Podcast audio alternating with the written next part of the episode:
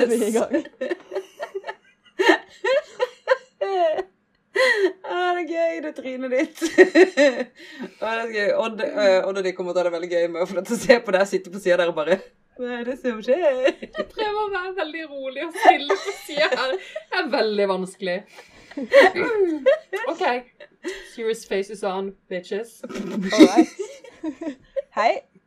Maria og Hanne Sara! Vi har en gjest! Yay! Hei, Sara. Hei, Sara. Hei.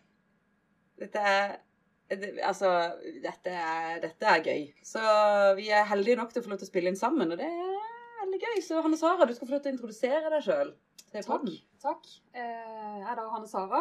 Eh, god god venninne av disse to fantastiske damene her, eh, Sara og Maria. That is correct. That is correct. Em, det er en stor ære å få lov til å være med her i dag som en eh, slags eh, ufrivillig observatør. Fordi min mann kasta meg ut hjemmefra i dag. fordi han skulle ha besøk av eh, noen kollegaer. Og de pleier å ha sånn konefri greie. Som Konefri, hva ja, faen. ja, vet du hva. Eh, Så da tenkte jeg, hva skal jeg gjøre i disse koronatider? Da ringer man Maria. Så sa hun, men jeg skal spille en podd med Sara. Og jeg fikk lov å være med. Jeg er så sykt happy. Dette er kjempegøy. Eh, Jeg skal prøve å roe litt ned og holde meg litt i bakgrunnen. Det er ikke Nei, derfor vi tar deg med. nå- Du vet det. Men nå, det er, nå er du jo her. Ja, vi, vi får se hva som skjer. Kan vi ikke si det sånn, jenter? Jo, vi sier det Jo, sånn. vi sier det sånn. Ja. Det tror jeg er lurt. Nei, så i dag har vi tatt med oss en gjest. Eh, og Du er egentlig første gjesten vår, Hans Sara. Å, herregud, for en ære. Så det er lov å si herregud på podd, egentlig. Ja, ja, vi banner som noen eh, sjømenn i denne poden. Dette er en bannepod. Badepod. Badepod. Det var det du sa. Good as skjønt. Badepod. OK, greit. Vi gjør, jo, vi gjør jo egentlig ikke det, da vi snakker jo egentlig bare sånn som vi snakker til vanlig. Ja, men vi snakker, altså Hvis du sammenligner oss med den uh, gjengse sørlending Er det et ord? Ja, jeg sier det er et ord. Ja. Uh, så, uh, så banner vi relativt mye. Ja, vi gjør kanskje det. Jeg bare er så vant til det at jeg legger ikke merke til det. Nei, for dette er liksom ikke Før jeg begynner, å altså, tenke, før jeg begynner å tenke over det, og så bare Oi, nå har jeg sagt helvete sånn 14 ganger i løpet av den siste halvtimen. Nå Helvetes regn. Åh, vi har hatt mye regn. Vi leste nettopp en uh, avisartikkel om at det har, det har ikke vært så mye regn uh, i desember måned noensinne målt i Kristiansand. Vi bare Det tviler jeg ikke på. Det pisseregnet her òg dritlenge. I dag snødde det, da, faktisk. Det gjorde det her også. På morgenen da jeg leverte Mio, så var det snø.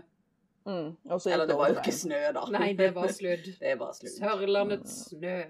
Ja, det er det jo faktisk. Har jeg sludda ute i Dyreparken òg? Sludda de i Dyreparken? Ja, Hanne Sara jobber i Dyreparken. Hun har drømmejobben. Det har jeg faktisk. Ja. Jobber i underholdning i Dyreparken. Eh, så jeg jobber med alt av underholdning i Dyreparken. Så da vil jeg si Kaptein Sabeltann og Hakkebakkeskogen er og. Kutoppen, Kardemommeby osv. Koselig. Det er koselig. Men unnskyld meg, i dag, eh, Sara, har du sett uh, Knuden-promoteringsvideoen som ble sluppet i dag? Mm, nei. Jeg har delt den på min side, du kan gå og se den eh, etterpå. Jeg anbefaler alle å se den, men se, altså, sånn, det er en veldig fin video, den er kjempebra. Uh, men jeg er med på slutten. og jeg er sånn der, uh, For det er sånn der eh, musikal, alt er bra, og hurra, og lykkelig, og wow, og alle er glad. Eh, og så slutter det med liksom etter rulleteksten, så liksom fader det plutselig opp igjen med meg som står alene på scenen og må feie all konfettien, og er dritsur. Å, det er gøy! Så jeg anbefaler alle å se den hvis dere har lyst til å se meg være. Og for dette var meg som sto og feide det opp også. Men altså, dere damer som gamle scenearbeidere, det er vi vant til. Jeg skulle akkurat å si det samme. Send en tanke til de som står på festival om å feie opp blaut konfetti fra scenegulvet. For det får du faen aldri vekk. Det sitter fast. Det er som om Det du har det. Altså, det er som å farge håret. Det er sånn Altså- en flekk, og så er det fast. Det er som da jeg var på Norway Rock eh, og kom hjem med, med titsa klistra med konfetti etter en konsert.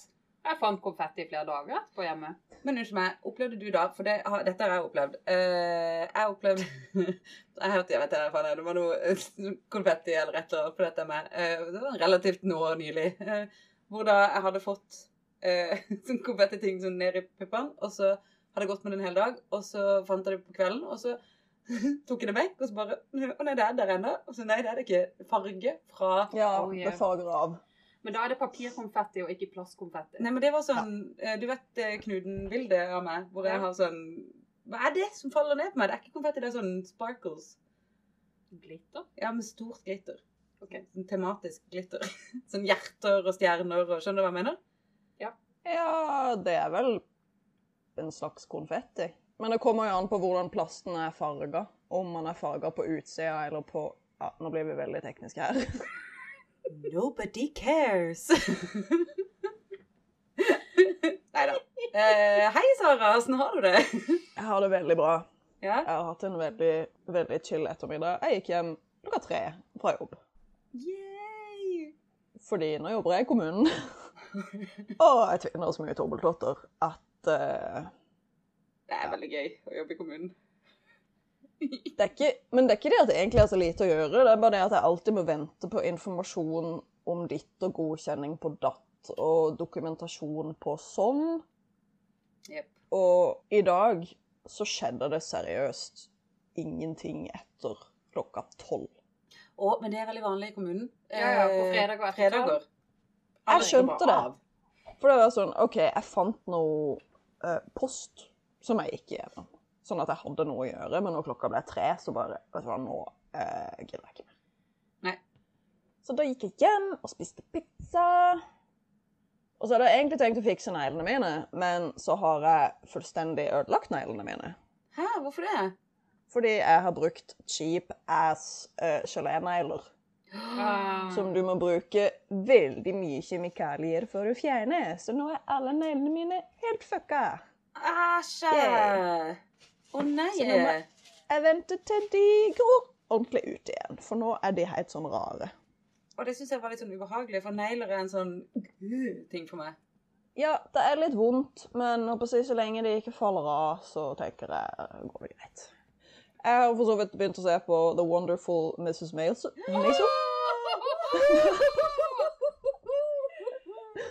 Den var veldig, veldig søt. Å, det er Det er så Det er tidenes Det er tidenes Åh. beste serie, det. Anbefaler det for alle. Ja, fy fader. Det er Vi så på innspillinga når vi ropte nå, da var det helt av, for begge to ble så glad. Eh, det er Nei, det er den beste serien. Det er det beste jeg har Ja, sett på lenge. det er helt sånn Det er jo samme eh, eh, produsent som hadde Gilmore Girls. Og Ah. Mm. Hun som spiller eh, eh, manageren til Mrs. Maisel, Fantastisk. eh, hun var jo med i Gilmore Girls også. Hvem spilte hun i Gilmore Girls? Selvfølgelig som vet jeg dette. Uh, hun spilte den sinte har harpespilleren i, nei, i hotellet til Lorelei. Oh my god! Det er en sånn dritforbanna harpespiller som, må, som blir satt til å spille så jævla mye ræl og sånn oh, dritsykt. ja, ja, jeg husker hun. Ja. Ok, det er gøy. Hun er veldig kul. Ja, Og så syns jeg også det er gøy med en, en TV-serie som er satt til liksom 50-tallet. Mhm. Det er 50-tallet, ja. Uten å være sånn superduper misogynistic. I know! De har vært så flinke. Det er helt Nei, det er helt Den serien er så bra. Den er så bra, og fargene er Herregud, det er så nydelig. Um, Ja. Og humoren og Ja, nei, det er virkelig en av favorittene i høst, altså. Ja. Og Mm, ja, den var kjempekul, så det var bra, eh, bra anbefaling. Ja, takk. Det er godt at vi har noen av de også, for veldig ofte så er det sånn jeg anbefaler, så er Sara sånn Meh. Eh, ikke ofte, men av og til da, så skjer det at du er litt sånn Meh på det jeg syns er epic. Eh, men det er godt at vi er enige i denne. Er det nå jeg skal banne i kirka og si at eh, Faen, hva heter det for noe? Eh, med de to brødrene. Supernatural. Er ikke min Sara liker det heller ikke. Det er så lame. Det altså. er så lame. Uh, sorry, jeg fikk ikke til Supernatural. Nei, jeg sleit meg gjennom en og en halv sesong. Ja, men jeg sa jo at du må droppe det, så må du bare elske forholdet mellom de to. De er så skjønne. Det er jo din fra Gilmore Girls. Ja, Skjønner dere at det jeg har en tematikk i livet Ja, jeg mitt? skjønner. Jesus Christ. Skål, da. Ja. Alt i Maria sitt liv kan traces tilbake til Gilmore Girls. Det kan det. Jeg skal jo nå si at uh, uh, jeg har begynt å se på Sons of Anarchy igjen. Så Den det kan er jo veldig gøy. Det er jo fantastisk gøy. Eh, Jack Jeg syns første sesongen er veldig bra, og så blir det altså mot slutten Det er så mye drama at jeg bare. But I love the drama, baby. Altså det, det er en grunn til at jeg ikke kan se den. eh, fordi at eh, hovedpersonen ligner veldig på eh, min eks. Og det var også min eks sin favorittserie. Au. Ja, men ja, dæven, det har jeg ikke tenkt på. Nei, jeg er ikke enig. Det er Han veldig ligner bra. litt. Men han, altså Charlie Hunnam er jo litt bøffere. Se, vet du hva jeg har gjort nå? Nå, så nå, ka, ka, ka, ka, Kom der. Kom her. Se nå. Se nå. Se nå. Hei, Fredrik. Gimme. Gimme. Jeg hører ingenting. Gimme. Gimme. Berora. Hæ? Ha det. You have trained him well. Thank you, I tried. Så for de som ikke så hva som skjedde nå, så var det Fredrik som kom inn med en øl til meg. Fordi I framed him well, som du sa. Nå klarte jeg nesten ikke å si det. Jeg bare ble fikk egentlig ikke. Vel. Jeg tre- Eh, ja, nei. Men ja, det var mitt eh, jeg håper å si, kommunale, kommunale liv. Eh, Åssen uh, går det med dere to? Hva har dere gjort den siste uka? I dag har jeg hatt eh, filminnspilling på jobb med en, et, en bitte, bitte liten dansegruppe. De var tre jenter, tre tenåringsjenter. De var så fine. Og så dansa de til Coldplays 'Christmas Lights'. Og så fikk vi det til å Den derre da-da-da. Ok, Ingen som har hørt den? Dritfin. Those Christmas lights light up the street. Den er kjempefin. Mm, okay. Det er en av de fine julesangene for meg, da. Eh, så de danset på den, det var veldig koselig. Og så eh, eh, har jeg jo jobba med min favorittfyr på jobb, Tarjei. Så jeg var sånn Jeg trenger dette lyset, og jeg vil ha eh, snø på scenen. Og han bare OK. Og så har vi sånn snøgreie, en snømaskin som, eh, som som Jenter fikk lov til å danse i snø, og de var så lykkelige. Har dere snømaskin? Ja, Du kødder det har vi faktisk. Det er ganske kult. Den er, det som er gøy med den snømaskinen, er at det er jo ikke sånn som uh, Kilden har jo sånn plastikksnø, mens Mm. dette er sånn snø som er sånn såpesnø. Og det ser så fint ut, men det blir jo faen meg en isbane på scenen. Mhm. Så uh, vi spilte det, siden vi visste det, da, så spilte vi inn snøscenen til slutt, og det var veldig koselig. De var veldig lykkelige. Så jeg har hatt en sånn fin dag på jobb i dag. Og så har jeg ikke gjort så mye mer på jobb. Hashtag kommunen. Altså, I Kristiansand dyrepark så har det vært et uh, storslagent gilde. Vi har hatt en digital julelunsj i år. I dag. Ja, i dag. Jeg syns egentlig det var litt beskrivende, men vi har hatt en digital julelunsj i år. Eh, ja, men egentlig så er jo det riktig. For normalt sett så pleier vi å samles, eh, hele gjengen, og vi er jo ganske mange, og ha en stor, stor eh, julelunsj. Men i år så måtte vi deles inn avdeling for avdeling av smittevernsårsaker, naturlig nok. Eh, vi hadde Vi ble catera mat, og det var eh, julebasar. Jeg vant da en kasse med Sørlandschips og en sekk med Sørlandschips og et Mm. brett med Cola Zero. Ja, du har liksom bare vunnet eh, fyllesykepremien. Jo, men jeg har ikke tenkt å være fyllesyk hver dag frem til februar.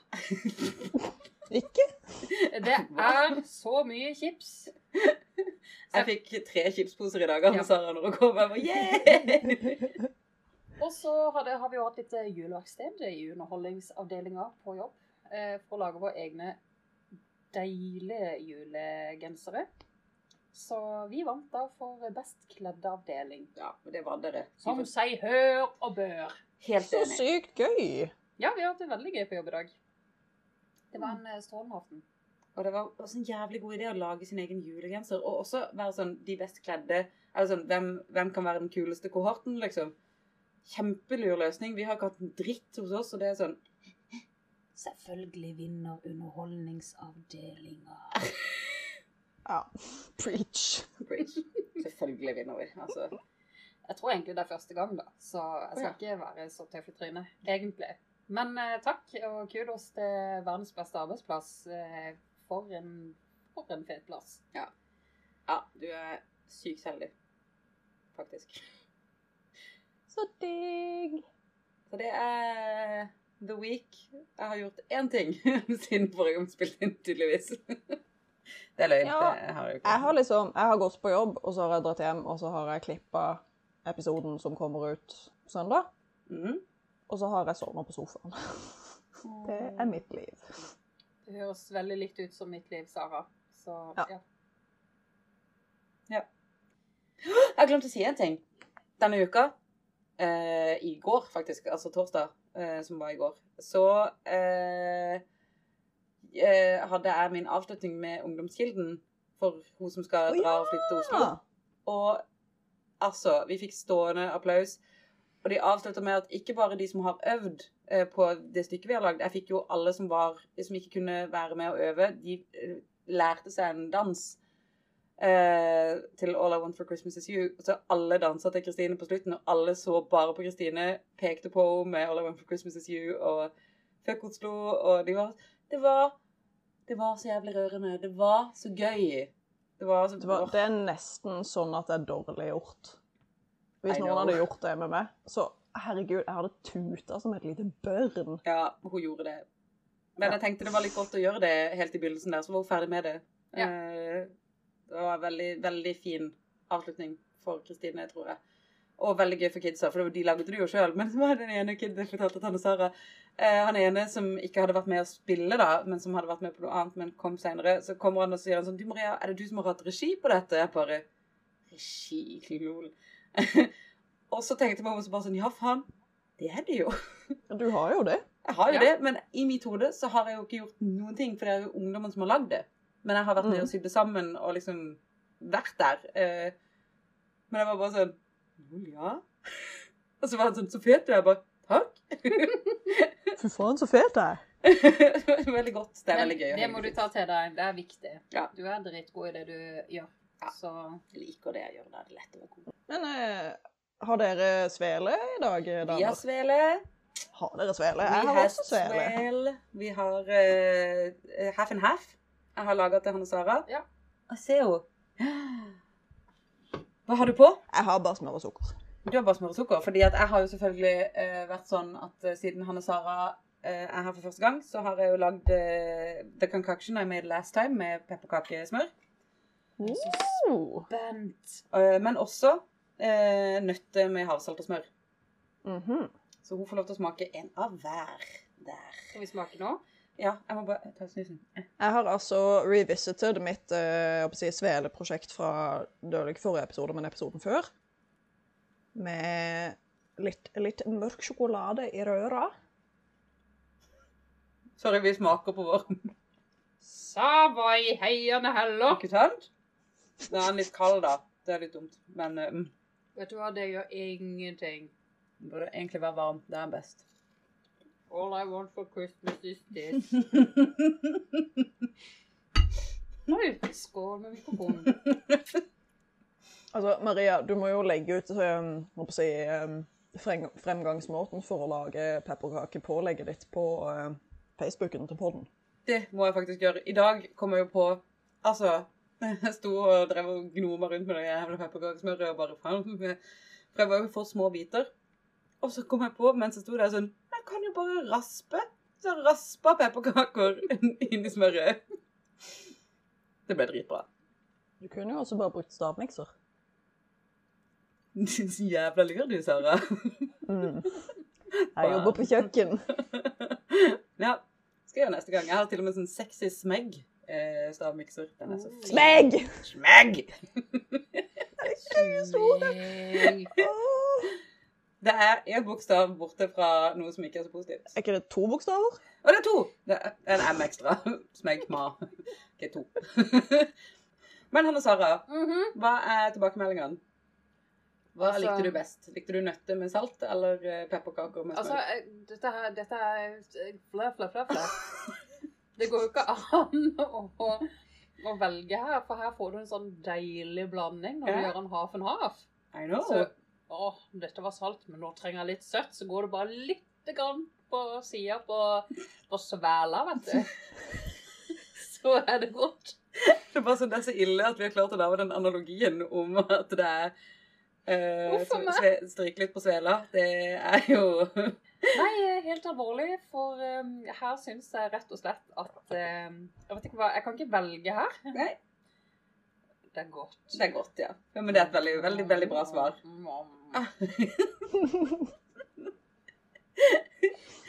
Det er bra. Det er et gyldig svar. Mm Jeg, jeg klarer heller ikke å velge min favoritt akkurat på fordi jeg syns det var så sykt godt med den pepperkakemiksen. Mm. Men den nøttesaltgreia mm, Fuck, den er helt vill, den òg, altså.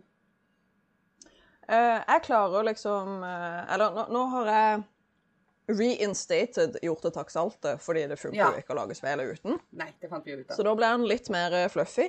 Men jeg klarer ikke å få den der, den der fluffy konsistensen som vi har hatt tidligere. Det er litt surt. Men eh, det er veldig godt med mørk sjokolade i røra, så det anbefales. Mhm.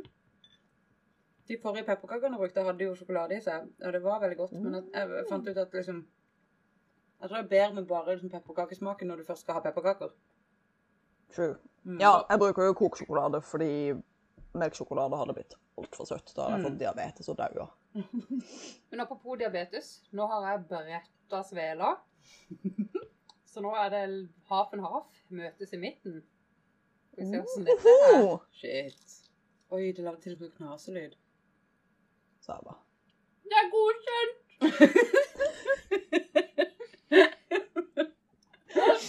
Godkjent av Weiser.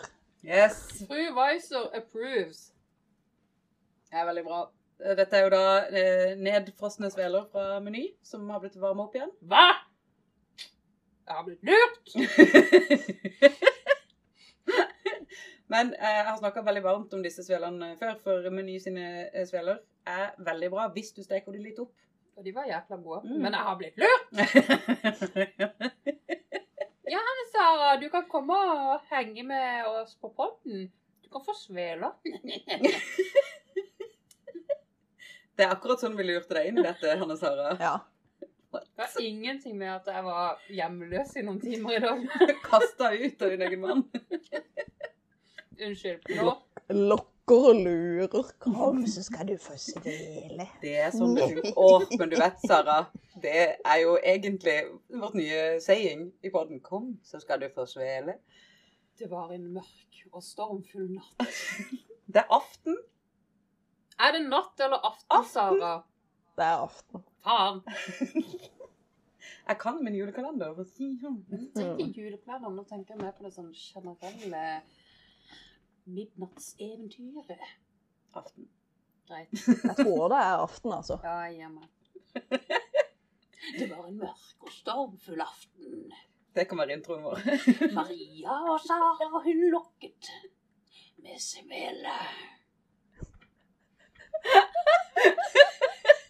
Jeg tror jeg snart må gå hjem og legge meg. OK, Hanne Sara, hvis vi skal lage påskekrim, så må du være med og bruse. Det er faen meg sant. Det er helt i orden, skal du se. Trollmor stepper opp, vet du. Men eh, eh, Sara, har du en historie til oss? Jeg har det.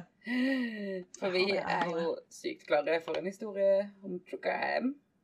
Skal vi se, jeg har en litt kort historie i dag.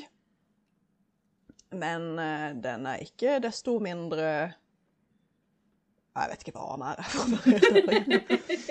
Interessant. Det er noe. Eh, skal vi se Først Kjeldar. Jeg har brukt leksikon.fylkesarkivet.no og allkunne.no. Hvor er Bunæris? Ja. Og Wikipedia. OK. Vi skal altså til I dag er vi jo i Sogn og Fjordane. Sogn og Fjordane. Vi skal prate sånn her resten av podkasten. Nei da, vi skal ikke det. Så da skal vi til et sted som heter Fresvik. Det er ei bygd som ligger i Vik kommune i Sogn og Fjordane. Den ligger på sørsiden av Sognefjorden, ved en liten bukt like vest for innløpet til Aurlandsfjorden og Nærøyfjorden. Hmm. Eh, rett ned forbi ligger det også en isbre som heter Fresvikbreen. Fresvik, Vi i, vi er i Spreland. Det jeg vet, det har jeg til og med funnet ut av mens jeg har googla meg rundt på spøkelsesfronten. Eh, vi skal også da til Vi skal langt tilbake i tid. Vi skal tilbake til 1840-tallet. Gøy. Eh, på 1840-tallet så var Da var Norge fortsatt en del av Sverige. Mm. Vi ble vi Det er slem. Ja, spiser jeg. Men unionsoppløsninga med Sverige var 7. med Martin juni 1903 eller 5. Nei. 1905. 5. Men det var 7. juni, er da. bursdagen min. um, ja, de, altså ved, ved inngangen til 1800-tallet så var de aller fleste i Norge bønder. Um, og selv på midten av 1800-tallet så bodde de fleste på bygda. Men håper jeg, livet var hardt. Folk var stort sett ganske fattige. Det var jo da folk begynte å utvandre til Amerika for å søke lykken. Mm. Kort sagt, alt var i svart-hvitt. Og veldig trist. Veldig dritt. Den tida der, Ja. altså. Ja. Det var før sepia-effekten, ikke sant? Ja, ja. Ja. Vi er eh, i 1840-årene, vi er i Fresvik. Vi skal til et sted som heter Grønli, som er en husmannsplass. Og der bor det en gubbe som heter Ola Gjertsson. Eh, Ola hadde en kone som het Anna Monsdatter, og han hadde fire barn. Eh, tre av disse barna hadde Eller det, det står han hadde fire barn som vokste opp, så de hadde jo sikkert flere, men ja. Ja. Barnedødeligheten var jo ganske høy på den tiden. Det var Uansett, han hadde fire levende barn. Tre av de hadde reist hjemmefra, men en av de, datteren Ingeborg, ble igjen på gården og sto for husholdet. Ja. Så i 1840 dør Anna, altså Ola sin kone. Så da er det bare Ola og Ingeborg igjen på denne gården. Eh, og så 12. desember. Vi er til og med i juletiden. i Uh, denne Eh, 12. desember 1842 forsvinner Ola. Eh, han hadde gått ned til fjorden for å sanke skjell ved et sted som heter Simlenes, eh, som ikke ligger så langt under Fresvik. Eller Fresvik, jeg er ikke sikker på hvordan det uttales. Fresvik. Mm. Ja. Ja, Vi er, vi er enstemmige om at det er Fresvik. Eh, jo, i hvert fall. Ole forsvinner. Eh, Ole A. Eh, Ingeborg går ned til eh, Simlenes, altså denne nabobygda, og forteller at faren har blitt borte, og så får, med, får hun med seg folk ut for å leite. Eh, og så nede ved sjøen, eller nede ved fjorden, finner de vottene til Ola.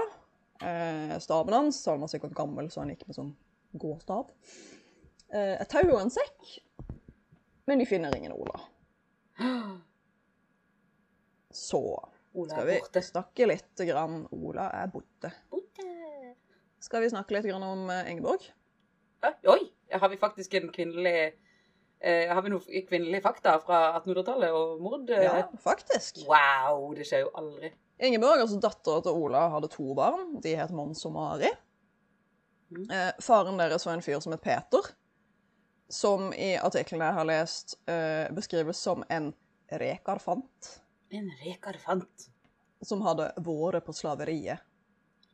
Oi, men nå Ok, stopp, stopp, stopp. Nei, eh, Hva betyr det? OK, let me try this først. Fordi eh, når du har vært på slaveriet, så betyr det egentlig at du har vært i fengsel, men blitt satt eh, gjort Altså du har jobba som slave fordi du har vært i fengsel. Stemmer ikke det? For det er Du, Bergen ja, du har vært straffange. Ah, straffange. OK. Ja. Det Selvfølgelig også eh, mye mer ryddig å fortelle det sånn, men jeg bare husker veldig godt Bergen akkurat nå. bare, Men dette er snakka om. OK. Takk. Ja. Da ble man jo satt til eh, hard labor i stedet for å sitte, sitte på ei celle og åpne. Jeg vet ikke hva som er verst. jeg. Ikke heller. Sistnevnte. Eh, Jeg sier hilsen Hanne Sara, som er sykemeldt. Ja, ser Eh, I hvert fall, denne rekerfanten Peter hadde reist fra Ingeborg. Eh, og så hadde hun slått seg sammen med en annen lauskar som het Kristen. Men tenk å være en lauskar og hete Kristen. Lauskaren. Kristen, han saumfarer verda i en bygd. Ja, vet du hva, hold deg unna den løyskåren der. Fy faen, du er gøy. Ja, ja, løyskåren Kristen. Hva gjorde Ja. han? Nei, nei, hva gjorde han? Det sier, det sier ikke Sogan noen ting om. Eh, han bare var der. Men det var sikkert, si, det var sikkert tynt, tynt med folk i bygda og få manneemner å ta av. På å ta ja. ja. Eller kanskje hun bare likte, likte lauskarer og bad boys og rekerfanter og Oh yeah. Nei, tilbake til Ingeborg, egentlig. Det sies at Ingeborg var ei hard og brutal kvinne, og at hun og faren krangla mye. Um, hun ville gifte seg med Kristen og ta over gården, Uh, men det ville ikke faren. Nei. Og jeg skjønner jo at hun blir litt sur for det, på en måte. Jeg vet ikke om Altså, det sier ingenting om hun hadde odel til gården, men Men eh, Sara, eh, i de gamle dager der, så hvis du var kvinne, så hadde du ikke odelsrett. Uansett. Nei, jeg regner jo med det, men hun hadde jo bodd der. Alle de andre hadde reist til God knows where. Hun hadde blitt igjen og vært eh, fuckings eh, husholderske på gården. Ja. Da skjønner jeg jo at når det bare er hun og faren igjen, og faren begynner å bli gammel, og hun vil ta over gården, og han sier nei, da skjønner jeg jo at hun blir litt pissed. Ja, det skjønner jeg. Fy faen. Jeg hadde blitt dritforbanna. Eh, så, denne historien om at faren hadde forsvunnet i fjæra, var det ingen som trodde på. Nei, nei, fordi at de regnet med at hun hadde drept han, selvfølgelig. Of Ja. Og hun hadde ikke et eh, veldig godt rykte i bygda. Hun var visst kjent for å være ei fantekjerring. Fantekjerring. Og herreland og rike. Og i heiene. Men så kom det for en dag da at Ingeborg hadde tatt livet av Ola. Wow! OK. Jeg håpte jo at det skulle Men jeg håpte jo faktisk at det skulle være Twist-plat. Plat-twist. Det var det jeg mente. Eh, jeg håpte at det ikke skulle være Ingeborg. Ja. Hvorfor var det Ingeborg medlem? Fortell hvorfor det var Ingeborg. Hva hadde du gjort? Eh, hun, hun ville ta over gården. Det var hennes motivasjon. Eh, hun hadde først prøvd å få barna sine, på 12 og 14 år, til å ta livet av bestefaren sin. What? OK, Hun hadde utstyrt dem med en klubbe og en øks, og bedt dem om å gå inn og slå han i hjel mens han sov. Nei! Det er faen meg helt sykt. Jeg elsker at Maria bare Nei! Og Hanne Sara holder på å le seg i hjel. Du er sikker på Nei. Kom her nå, lille barn. Her får dere litt grann å kose dere med, så blir det lørdagsgodt når dere kommer hjem. Slå i hjel han der bestefaren deres. Men barna var ikke så veldig gira på det, fordi de var 12 og 14 år gamle. Ja, flinke barn. Og de ville ha premie før de gjorde handlinga, ikke sant? Ja, det var kanskje det. Man visste ikke så mye om barneoppdragelse på 1800-tallet. Det var sikkert det hun gjorde feil. Ja, Det er sant. det tror jeg òg. Sugar for the pill, ikke sant? De var, i hvert fall, etter alt å dømme, sweet baby angels, for de hadde ikke lyst til å ta livet av bestefaren sin. Flinke barn. Så da måtte jo Ingeborg ta saken i egne hender, da. Bra for barna at hun gjorde det, da. Sånn at hun ble Ja, jeg gleder meg til å høre hva som skjedde. OK, nei. Det er mitt. Så hun slo faren i hjel mens han sov. Og måtte få hjelp av disse stakkars ungene til å bære liket ut i en sval, altså ut i et uthus. Eller utbygg. Oi. Og der ble han liggende i en ukes tid. Å, fy faen. Å, fy faen. Så de har gått forbi dette uthuset da sikkert og lukta død. Og visste at vi Ja, eller det er altså En sval er et utbygg eller en gang, så det er en del av huset. Men vi er på 1800-tallet hvor husene ikke er så innmari godt isolert, og så er det også i desember, så antageligvis er det kaldt nok til at Ja. det ikke har vært helt krise. Ja. Får vi håpe. ja. Fingers crossed for stakkars barn. 12 og 14. Åh, fy faen. Eh, ok, så skal jeg sitere fra fylkesleksikon. Eh, Ingeborg måtte kvitte seg med liket. Den 18. desember om kvelden drog hun liket inn i stova, hogg begge føttene av faren og la han inn i røykovnen. Alt var brent om natta. Ingeborg passa elden og vaska kledet og gulvet for å få vekk alle flekker. Beina som ikke ble oppbrente, samla hun i en sekk og ville kaste på Fresvikelva. Men elva var frosen overalt. Ingeborg måtte ta beina med hjem, la de atter i ovnen og brente videre. Til de ble så møre at hun kunne knuse dem med en hammer og spreide alt på bøen. Okay. Så hun, choppeti chop, brenner mesteparten av liket, tar med seg beina, skal kaste de i elva. Å nei, elva er frossen. Hun må samle de sammen, ta de med seg hjem igjen, brenne de litt mer. Og så sprinkler hun det på jordet. Flying fuck, det er som uh, OK. Jeg bare føler at du vet den uh, Making a Murderer-serien? Jeg føler det var noe sånn at det var noen som putta noen i bålpanner der også. Den har jeg faktisk ikke sett. Oi, den må du se. Det må du se. Den er, den er faktisk ganske bra. Men uansett, uh, dette er jo selvfølgelig veldig gode tips for fremtidige seermordere. Eh, hvis vannet er frosset, fortsett å brenne beina. Knus de, Knus og spre de på jordet. Jeg tenker det er en level av planlegging som er ganske imponerende, egentlig. Altså, du er veldig determined for at eh, Ja. den gården skal bli min. Kanskje det er det jeg skal gjøre med faren min? Hallo! eh, den gården er fin, men faen ikke så fin. Nei, det er sant. Men i tillegg så er jo eh, altså beinstøv, knuste bein, er jo kjempebra næring for planter, så det var sånn sett veldig fornuftig å spre det på jordet. Ja, absolutt. Men det var nok ikke derfor på jordet. det, det, det var jo for oss Men jeg syns også jeg er litt sånn imponert liksom, over det der at hun har så Oi. Eh, at hun er så liksom bestemt på å få vekk sporene. For jeg tenker sånn 1800-tallet Did people even know about clues?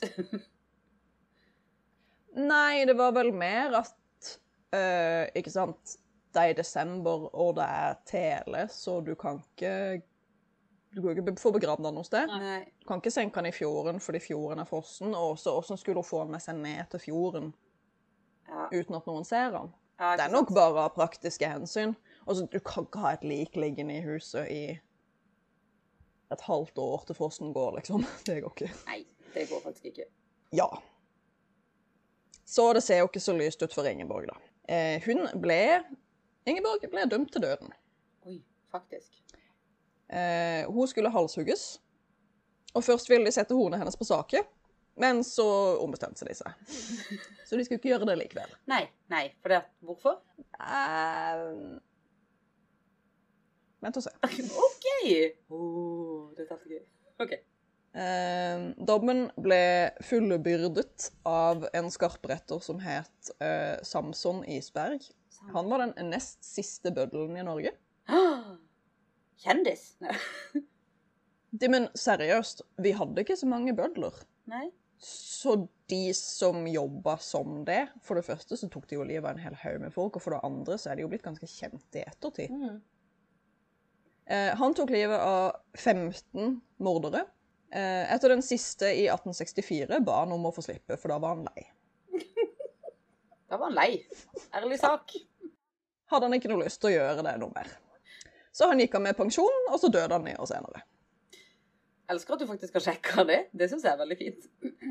Ja, det er, veld, det er veldig morsomt Nei, morsomt. Interessant å lese om bødlene i Norge, fordi they've been around, for å si det sånn. Ja, men for det siden som du sier at det ikke har vært så mange Unnskyld. Eh, så vil det da si at eh, de har da reist rundt på en måte i hele Norge og drept yep. folk. Mm. Utrolig kjip jobb. Åh, Helt sjukt. fy faen. Det er fint, fint å se litt av landet og få reiseregninga dekka, men altså There are limits. eh, Definitivt. Unnskyld meg, ifølge min raider, rider. Så Jeg skal faktisk reise rundt og Å, skal herregud, hva skal, hva skal en bøddel ha på rideren sin? Bare grønne nonstop. jomfruer. Ja, de har iallfall én jomfru. Og så Brennevin, sikkert. Brennevin, ja. Alt og vin. Er de, er de hellige? Turbin. Nei, de er ikke det. Nei, jeg bare, er liksom, de er utstedt av kongen eller noe sånt. De er jo ikke utstedt av kirka, liksom. Nei, de er vel statlige De vil ansatt. sikkert ha en katolsk prest som kan gi dem synsforlatelse. Ja. Sånn, si noen Ave Maria, så går det bra. Eh, ja. Nei, det var historien om Samson, da. Men eh, Ingeborg Ja. eh, Hun ble henretta den 5. april 1845. Dette var den nest siste henrettelsen som skjedde i Sogn. Det møtte opp 2000 mennesker for å se på. Var det så mange, var det så mange der, da? Nei. Aldri før har det vært så mye folk i Fresvik. Og det har aldri vært så mye folk i Fresvik etter. Det kom folk fra hele området rundt for å se på at Ingeborg ble halshugd. Herregud. Ja, men det er jo helt sjukt. Det er jo som eh, vår tids Maskorama. Du får ikke lov til å sammenligne en halshugning med fuckings Maskorama. Nei, det var ikke sånn jeg mente, men det var jo et underholdningsmoment. Det, det skjønner jeg. Livet var jævlig kjipt. Man hadde få gleder i hverdagen. Og ja. Eh, ja. Eh, Så stor folkeansamling for å se noe s- s- spektakulært. Eh, det er jo helt sjukt. Det var jo sånn det var. Ja, det var sånn det var. Jeg vet at det var sånn. Det er veldig trist. men det er helt sjukt.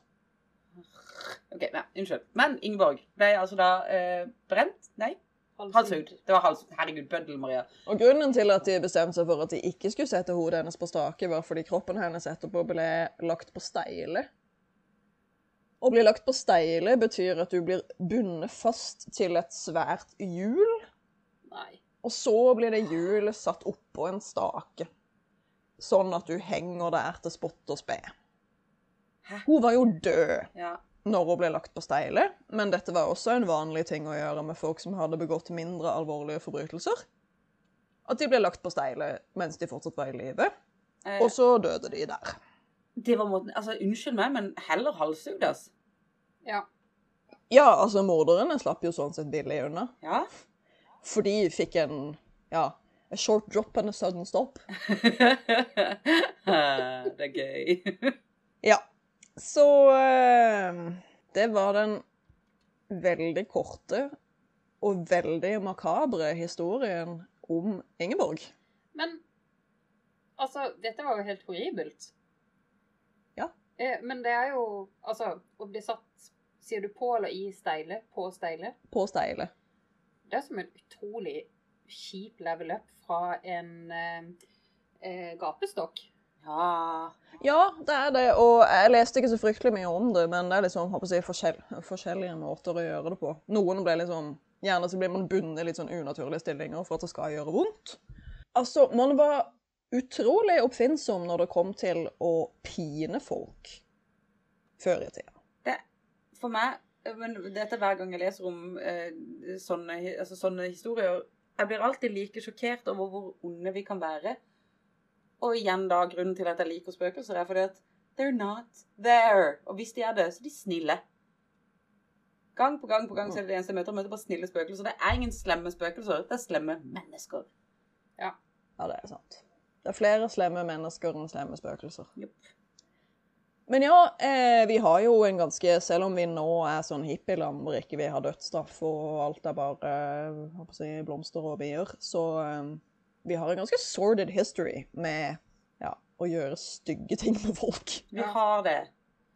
Veldig. Eh, en liten fun fact til om denne bøddelen, eh, Samson Isberg. Mm. Eh, han tok som sagt livet av 15 folk i løpet av sin karriere, og to av de han henretta, var Aslak Jacobsen Hetta og Mons Aslaksen Zombie, som leda Kautokeino-opprøret i 1852. What?! Holy fuck. Shit.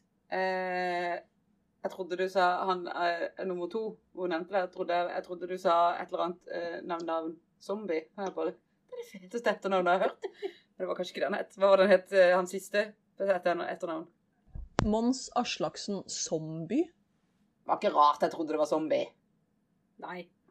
Nei, tror det er det faktisk ikke. det. Staves S-O-M-B-Y, men det uttales jo da antageligvis zombie. Zombie? Zombie? Zombie. Zombie. Zombie! Zombie. Han er jo fra Finnmark. Ja. Så eh, ja. Det var dagens uh, true, true, true crime. True crime. Den var horribel og Short, short and not so sweet. not sweet at all. It was kind of horrible, yes. Pretty horrible. Pretty horrible. Quite, quite interesting. Quite. Men det blir liksom litt lettere å snakke om når det er så fuckings lenge siden. Ja, det, det er lettere på en måte å tilgi det, fordi at man altså i fall For min del så tenker jeg ofte sånn uh, når, når det er så lenge siden, så da var det så Ikke at de var dumme, men de levde i sin tid og var den de var, og sånn var normen. Eh, Ja, ja, man hadde jo et helt annet syn på verdien av liksom menneskeliv og alt sånt. ja. Ja, det er jo kjempeviktig å se på kulturen man var i på den tida. Ja. Og hvor mye innflytelse som var Altså tilbake til fra vikingtida, men også fra resten av Europa. Og hvordan man skulle Mm. håndtere kriminelle og sånn. Det er jo en Ja. Mye crazy, craziness eh, i den tida. Ja, for oss nå så er det det. Men så kan vi også, liksom, hvis vi ser i vår egen tid eh, Og da tenker jeg, hvis vi går til første og andre verdenskrig da, så tenk hva vi gjorde da, og det er jo egentlig ikke så lenge siden. Nei, det det. men det er også en i, i krig det er annerledes, Ja. faktisk. Men eh, for dette, denne her historien som Sara fortalte, var jo en del av rettsvesenet vårt. Det var det. Mm. Og takk Gud for at det har blitt bedre. Eh, ja. Ikke alltid, da. På 50-60-tallet var det ikke så kult. Nei, men du ble ikke halshugd. Nei. Eller lagt på steile. Yes. Nei, du, du, slapp unna, du slapp unna public humiliation and death. Ja, ja. Ja. Ja. Men altså, det er jo litt Jeg har lyst til å si at det er morsomt, det er ikke morsomt, men det er interessant å tenke på hvordan henrettelser jo har vært en Det har jo vært en sånn underholdningsting i århundrer. Um, Ja. Altså under den franske, eh, franske revolusjonen, når de drev og giljotinerte folk på eh, Place de la Concorde eller hva faen i Paris. For det første så var det jo folk sto, Det sto jo liksom enorme folkemengder og så på dette hver dag. Og det var visst en greie at når Det, ble- det ble jo så sinnssykt mye blod fordi det var så sinnssykt mange som ble drept. Og når bødlene da drev og liksom skulle rydde litt opp etter seg, så tok de klutene med blod på og liksom slang blod på publikum for å rile them up. Og de bare Woo! Det er så fucked up. Det er så fucked up. Altså, og det første hjernen min går til Men de hadde jo ikke vaskemaskin da. Oh my god. Åssen vasker de klærne? Blod går jo aldri vekk. Anne Sara er så jævlig oppgitt nå. Velkommen til Dødsfjellet og Anne Sara. Oi, oi, oi. Etter sigende så halshugde de så mange mennesker under den franske revolusjonen at det uh, gikk i grunnvannet under Paris. Høg. Det er bare sykdom, pandemi, virus. Altså, alle døde av tyfus og kolera og meslinger og ja, ting. Back Ja. then, uansett. Så I var- don't think it var- made that much of a difference. Nei. Det var en gledens tid, dere her. Sprinkle litt hepatitt i miksen. Å, kolera. Var kolera da også? Kolera har kanskje vært en sånn et stadig tilbakevendende pest? det.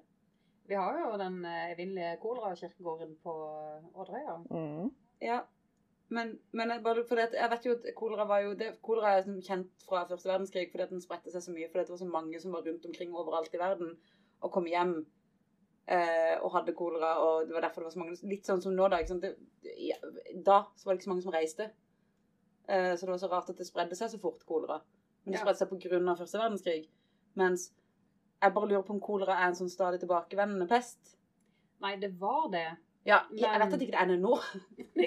Jesus Christ, jeg skjønner hvordan verden fungerer, men, men uh, Altså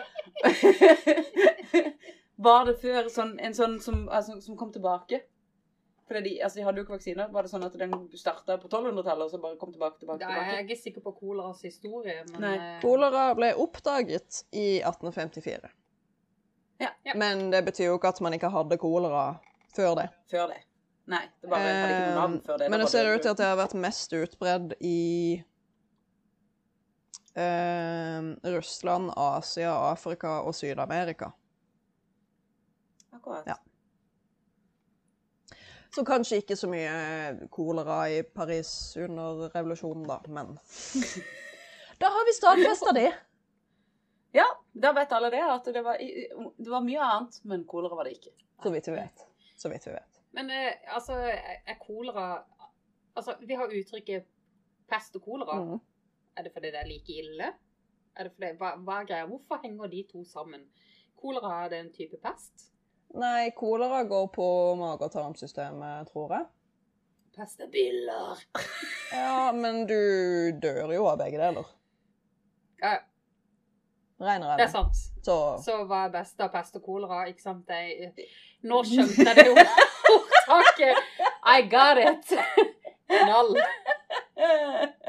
Og det var gøy å se hva som skjedde i ansiktet ditt der.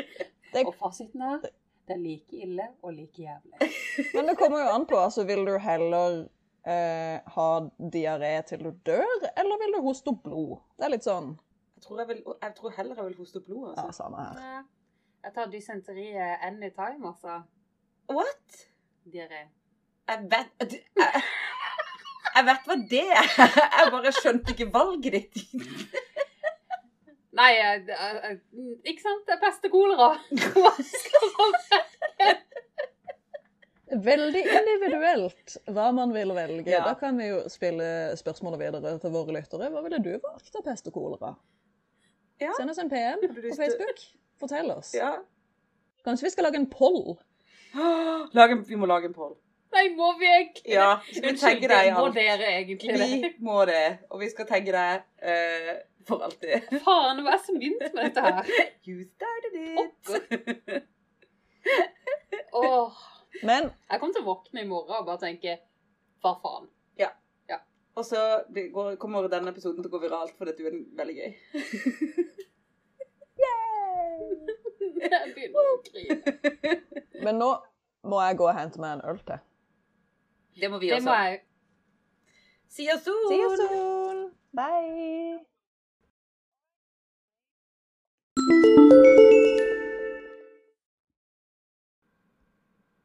We are back uh, in business. Yes, we are. Business.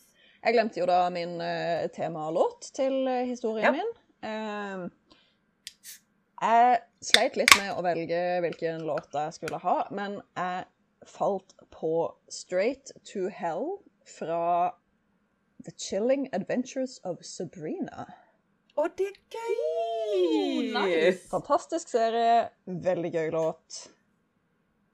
Sånn, Og her skjer det igjen, Sara. Her skjer det igjen. For jeg ble aldri ordentlig fenga av The Chilling Stories, Tales of Sabrina.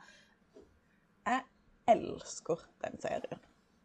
Men, altså sånn, for, eh, men jeg tror det er fordi at jeg ikke likte serien når jeg var Altså den som gikk på TV når vi var små. Ja, ikke sant? eller Jeg var. elsker den. Jeg så den sånn hver dag etter skolen. Det jeg likte med den, var katten. Ja. Alt det andre var bare så fryktelig mye drama, og det var så slitsomt. Det er jo, det er jo en teenage high school-serie med hekseri, på en måte. Så du på det? Nei. Nei. Nei. OK. Klar tale fra fru Weiser. Nope. eh, no. Men jeg syns de altså, De har jo laget både 'Chilling Adventures of Sabrina' og så har de jo laget en TV-serie av uh, Archie Comics, altså Riverdale. Ja, den har jeg jo ikke sett, men har skjønt at den er ganske kul. Jeg syns den er dødsgøy, men den er jo Det min mann liker å betegne som kitchen, kitchen sink. Kitchen sinky. Du bare kaster en kjøkkenvask på ting. Sånn. Her har du et enda mer insane plot twist. Det er litt som American Ja. Horror Story. Veldig kitchen sinky. Det er sånn når du ikke tror at det kan bli noe galere, så bare OK, nå skjedde det. Nå var det romvesener. Altså Men altså, apropos American Horror Story. Igjen. Jeg begynte på det igjen for tredje gang. Og jeg kom meg ut sesong to og begynte på sesong tre, og så datt jeg av. Åh, sesong tre er min favoritt. Det er jo i Louisiana. Ja, eller? den med heksene. Åh. Heksene, ja. Den er gøy. Ja, jeg datt ut, da. Eh, jeg datt ut eh, Sesong to, var det? Det er eh, Silent. Dominique, nikke, nikke Åh, oh. Fuck, altså, den sangen. Eh, nei, og da, da eh, For når det kom, så var jeg sånn her motherfucking psycho-fan. Jeg elsker det. Mm. Um, og så syns jeg toeren var bra, og treeren var bra, men fireren datt jeg av på. Ja, nei, eh, jeg får ikke til den serien. Sånn, nå husker jeg det. Uh, jeg likte elsker sesong én, så kom sesong to, og så så jeg ganske langt ut, helt fram til romvesenene kom, hvor jeg bare sånn Nei, nå må dere Kan dere roe ned De eggstokkene kunne deres? Bare droppa det, og så hadde den sesongen vært solid.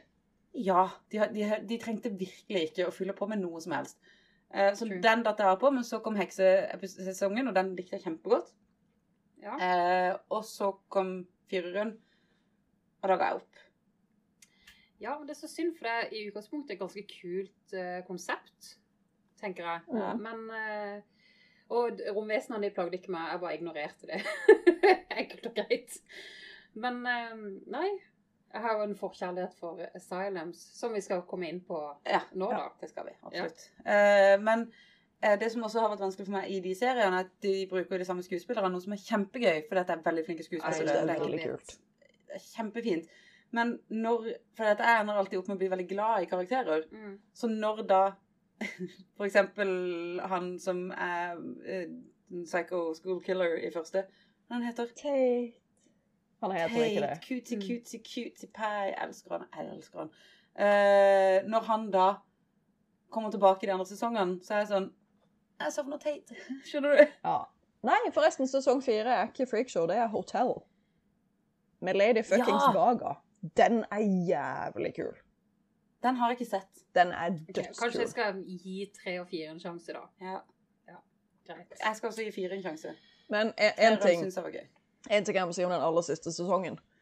uh, Apocalypse. Ja. Den er ikke veldig bra i det hele tatt. Men den, det er liksom en mash-up av karakterene fra Coven, altså sesong tre, og karakterene fra Murder House, sesong én, som er ganske stilig. uh, men selvfølgelig, plottet i den sesongen Hvis du har tenkt å se sesongen, så plug your ears right now. Ja. Lurt, Sara. Um, er jo selvfølgelig verdens ende. Satan kommer til jorden og skal Vet. end everything. Han ser ut Han ligner litt på typ vampyrene fra Interview with Vampire. Liksom langt, lyst hår. Veldig fasjonabel. Han er, han er en snack. Men så driver jo selvfølgelig disse heksene Heksene fra sesong tre driver jo liksom jobber mot at Satan skal ende verden. Å, det er gøy! Eh, som jo da ender i at eh, Cordelia, hun liksom sjefsheksa i sesong tre, ofrer seg for de andre. Eh, og før hun ofrer seg, så sier hun til Satans Eller det er vel egentlig Satans sønn Satan has one son, but my sisters are legion, motherfucker. Og så stæver hun seg sjøl i brystet. Og det er så jævlig fett! Oi! OK, det var kult. Jeg får gåsehud når jeg tenker på det, for hun er bare så sykt kul. Ja, jeg er enig. Kanskje jeg skal gi det en sjanse, da. Igjen. Prøv, men prøv Coven, og så må vi Så kan når du har sett Hvis du har prøvd Coven, da eh, hvis, hvis du ikke klarer det, så kan vi se sesong fire sammen. OK. Men Maria, vi er utrolig, utrolig dårlige på å se film og serier sammen. Men Sist gang med han og Sara eh, Vi hadde en sånn date date night hvor vi skulle se skrekkfilm, men så kom jo Det var da den sesong to av um, Det var eh, 'Hunting of Bly Manor'. Ja. Eh, og det var liksom sånn Vi gleda oss så sykt mye. Vi bare sånn Ja, vi skal se en skikkelig bra skrekkserie. Det blir dritgøy. Vi så to og en halv episode, og så Ja. begynte vi å snakke. Jeg tror jeg var hjemme sånn uh, halv seks-seks om morgenen. Eh, ja. Da har jeg vært hos Maria i tolv timer. Vi har sett eh, to og en halv episode. Yep. Så mm, Det var verdt det. det var verdt det. Ja. Men jeg tror vi må lage en avtale at nå i kveld så ser vi to episoder hver for oss. Ja. Jeg tror, det skal, jeg tror vi skal gjøre det sånn. Hvis ikke så blir det bare sånn så, så Men det, du, kan vi pause, Maria? Jeg må bare si deg en ting. Du vet hva som skjedde i dag? Jeg elsker at du går sånn uh, bimbo-voice med en gang du skal peke deg sjøl. Er det ikke sånn jeg snakker til deg? Å nei. Men uh, Maria, Has we got a we will give you men, eh, some skal jeg gi deg først en uh, oppsummering på det stedet? Jeg har det her. Ja, men jeg kan gi deg en sånn, sånn liste over hva det huset egentlig er. Ja, gjør det. Ja. Ok, Hanne Sara skal få lov til å begynne. Vi deler historie. OK. Vi skal da til Harastølen i Sogn og Fjordane. Det er en eh, diger, gammel mursteinsbygning som ligger i fjellstia og Unnskyld, fjellsida over Luster. Jeg tror det er Luster. Luster. Ja. Det het Lyster sanatorium og var et av de største spesialsykehusene i landet. Å nei. Det var et tuberkulosesykehus for Vestlandet fra 1902. Og det var i drift frem til midten av 1950-tallet. Mm. Tørt klima, furuskog og helst tynn fjellu- fjelluft skulle være en god resept på folkepesten tuberkulose. Mhm. Opp, opp. Bygget er på tre etasjer og hadde vaskeri, stall. Og her kommer det et ord som jeg ikke helt vet hva er. Posteo... Posteopneri. Og ishus. Det var også eh, en elektrisk taubane fra dampskipskaia ved fjorden. Smittefaren gjorde Harastølen til et eh, avsideliggende og lykket samfunn. Har også blitt brukt som psykiatrisk sykehjem og asylmottak. Take it away, baby. Great place to live. Hvorfor bruker de alltid disse rødne, gamle, tidligere mentalsykehusene som asylmottak? Men de gjør det Altså, for vi var jo Når vi var i Rogaland, Mm. der, også, der var det dalske. Dale. eh, men da eh, Der også asylmottak på slutten. Og jeg tenker sånn herre Motherfucker, så dårlig gjort å putte de på det stedet som er som The most haunted place in Bergen. Altså sånn Men også Bergen. Slitt Altså nedslitt og gammelt og sikkert masse mugg i veggene og helt jævlig. Det er sånn Nei, ingen andre kan bo her, men de kan putte noen flyktninger her. Det er jo Det, det er så sykt. Eh, og på dette stedet her, så Her er det jo sånn sted som veldig mange reiser til for å jakte på spøkelser. Mm. Eh, det gamle senatoriet det ligger høyt oppe i fjellsida, som sagt. Og det har stått der i over 100 år. Det ble jo eller bygd som en behandlingssted for tuberkulosepasienter. Eh, men de siste 25 åra har det stått tomt. Og det er jo egentlig mer enn 25 år siden. Det er jo ja, nesten 30 år siden. Har det stått tomt og til forfall. Og ifølge ryktene er det hjemsøkt. Selvfølgelig. Men altså, faen Sara, vi, kom, vi må reise over hele Norge. Vi. Jeg gleder meg til vi får masse støtte når vi søker til sånne 100 plasser og sier sånn, dere må støtte oss. Vi må reise rundt i Norge og faktisk eh, ikke være den teite TV Norge-serien. Vi skal reise rundt og være seriøse. Jeg blir med. Roadtrip, ladies. Holy Ja. fuck, da har vi to med lappen. Det er så jævlig greit, det. Jeg er veldig flink til å lese kart. Det er ikke jeg. Google Maps, guys. Ja, eller Jeg er flink til det også. Ja. Eh, Men, men Google Maps er bra å kunne. Ja. Så hvis du kan det, så er det bra. Jeg kan det. Eh, ja. Eh, vi har jo snakka før eh, på denne podkasten om eh, Norwegian Ghost Hunters. Ja. Eh, det er jo disse som har en De har en kanal på YouTube, og så er de på en måte den eneste Jeg tror de er en organisasjon som, i Norge som tar spøkelser på alvor. En av Mm. de få, bortsett fra disse som er sånn Truth Seekers, hva er det de heter da? Sannseende. Hva er det det heter? Synske. Der kom det. Satan, det tok lang tid. For ikke snakke om våre beste venner, som jeg ikke vet at de er våre beste venner, Norsk Parapsykologisk Selskap. Det, Riktig. er det selskap? Ikke forening? Nei, nå er det selskap. De har blitt selskap. Det er selskap. nå? Mm. Ja, OK. ok, Det er blitt selskap, ja. Ja, åh, Våre beste venner. Vi er så lei oss for at ikke de bare henger med oss hver dag. Mhm. Takk, altså. Eh, men Norwegian Ghost Hunters um, Så har de jo da reist rundt, som sagt. Det er jo en hobby. Uh, de er altså 15 medlemmer. Det syns jeg var litt gøy. Det fra eh, Jeg trodde det var to. Oi. de er 15. ja. De er som et k-pop-band. I know, right? Og det er gøy! No offense til uh, Norwegian Ghost Hunters. Eller k-pop, for den saks skyld. Eller k-pop. Altså, jo, jeg til egentlig det blir... k-pop. Nei, er ikke diss k-pop. K-pop er Nei, det er dødsgøy. Han sa det er dritgøy. Vi skal lære oss én dans en gang, og så skal vi danse det på podden. Jeg kjente jeg ble sliten under øynene nå. For de som ikke har videoer av podden, så drar jeg meg litt i øynene. Hva? Um, to av medlemmene fra Norwegian Ghost Hunters vender ofte tilbake igjen til Harestølen. Fordi at eh, Sitat Vi tykker det er både spennende og kjekt her. Ja, det er så er kjekt. Mm. Ehm, tidligere så har de hatt ganske mange opplevelser uh, som de uh, vil prøve å gjenskape denne kvelden når da vi møter dem. Hun ene uh, er mest redd. Derfor får hun lov til å låne en maskin som måler elektromagnetisk stråling, slik at hun blir varsla om det er energier i rommet. Og det er litt interessant, akkurat det med sånn EMF-måler, for det, det har jeg litt lyst til å ha. Men tror vi på det? Altså, eh, jeg tror jo at det finnes sånne eh, eh, elektriske pulser og ting som skjer uansett hva man gjør. Altså sånn Ja. fordi at det er sånn, Vi har datautstyr her, eller ikke sant? det er masse grunner til at det skal skje noe. Ja. På disse, de, de kommer til å tikke inn på masse rare ting. Men sånn den ene gangen vi spilte inn, eh, hvor eh, den lampa her plutselig datt ned eh, mot slutten av podden, da var det bare sånn Nå er det ikke noe gøy mer. Og så Forrige gang så var det sånne red lights som fløy foran skjermen, og det var sånn Det er fordi jeg I summoned a demon. I don't wanna. og jeg tror jo ikke på det, men allikevel så er det sånn eh, Nei. Ja, men med et sånt apparat. Det er jo samme som man ser i den eh, utrolig deilige serien Um, Supernatural. Ja, som ikke er så fan av. Logre, logre, logre. Altså, jeg, jeg syns det er vanskelig å tro på. Det er jo det. Det er jo kjempevanskelig å tro på, men det er mye gøyere å tro på det enn å tro på Gud. Men altså, hvis du hadde kommet til Harastølen, da. Et gammelt asylum, asylmottak, gammelt sykehus for tuberkulosepasienter.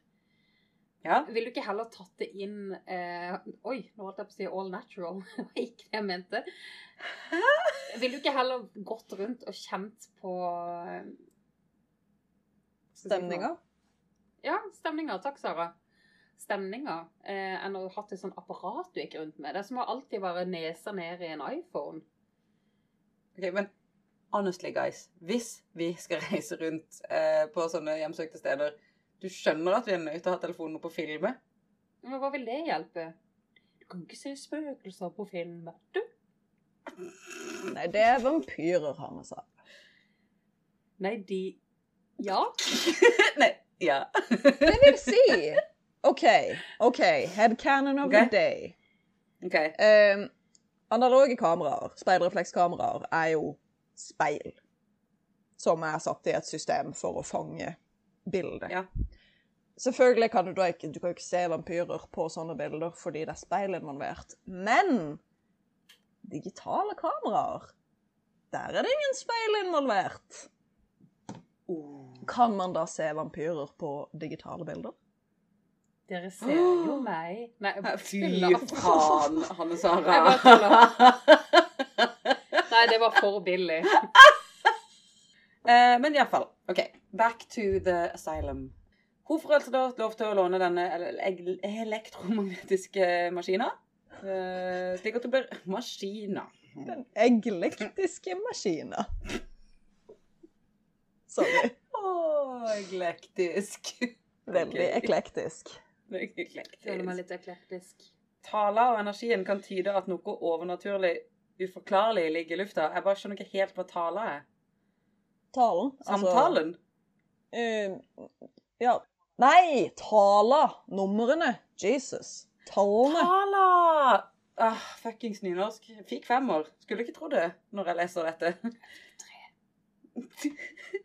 Eh, ja, men tallene og energien kan tyde på at det er noe overnaturlig og uforklarlig som ligger i lufta.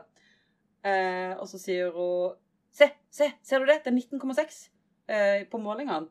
Uh, eh, vanligvis, sånn at alle forstår hva vi kan sammenligne med, så er eh, to til fire høye utslag. Så dette tyder på at eh, det er noe i rommet som gir utslag på maskiner. OK. De to folka fra Norwegian Ghost, Hunt Ghost Hunters tar med seg hele følget ned til kjelleren. Dette er jo da uh, en intervjuer fra NRK som er med Norwegian Ghost Hunters uh, på dette asylumet. Fra NRK, faktisk. Ja. Mm. Kult. De ble da med ned til kjelleren. De går ned en uh, smal og ubehagelig gang med vannskader. Det var bare det var vannskader. Det var bare hva i helvete det leser. Men vannskader. og avskalla maling. Det er mørkt der, og det er mange rom som er ødelagte. Et hyl fra en vettskremt person høres i mørket. Ja, veldig bra, Hanne Sara. Hanne Sara skjønte. Tidligere har eh, klarsynte hevda at det fin finnes en jente på lintøylageret i kjelleren. Eh, og Derfor blir det satt opp en lysmaskin som begynner å pipe og blinke. Så de har tydeligvis en lysgreie da, som de setter opp for å som, eh, det, det, sensoropplegg. Ja, for dette husker jeg også fra Det er ikke Supernatural, men det er et eller annet annet jeg har sett hvor det er sånn at Jo, nei, faktisk, det er ehm, The Conjuring 2. Mm. De setter det opp ja, i det ja. huset. Stemmer. eh, sånn at lampa begynner å blinke når det er noe der, på en måte. Ja. For den han, handler den om de der to eh, Ghost Hunters. paranormale Nei, forskerne? Ja, Ja. Det gjør det. Ja, de som eh, er fra USA, som Mm. reiser til London for å etterforske et hus som er haunted der, som er jo egentlig en, av de, det er en veldig kjent sak, eh, fordi det er en av de mest eh, mediafulgte hauntingsene som har vært. Altså, det var jo på 60-tallet det skjedde. Var det de som også undersøkte Amityville? Ja, Det var det. For det. viste seg å være en hoax. Men det er jo de som har Annabelle-dokka i Øh, skap. øh.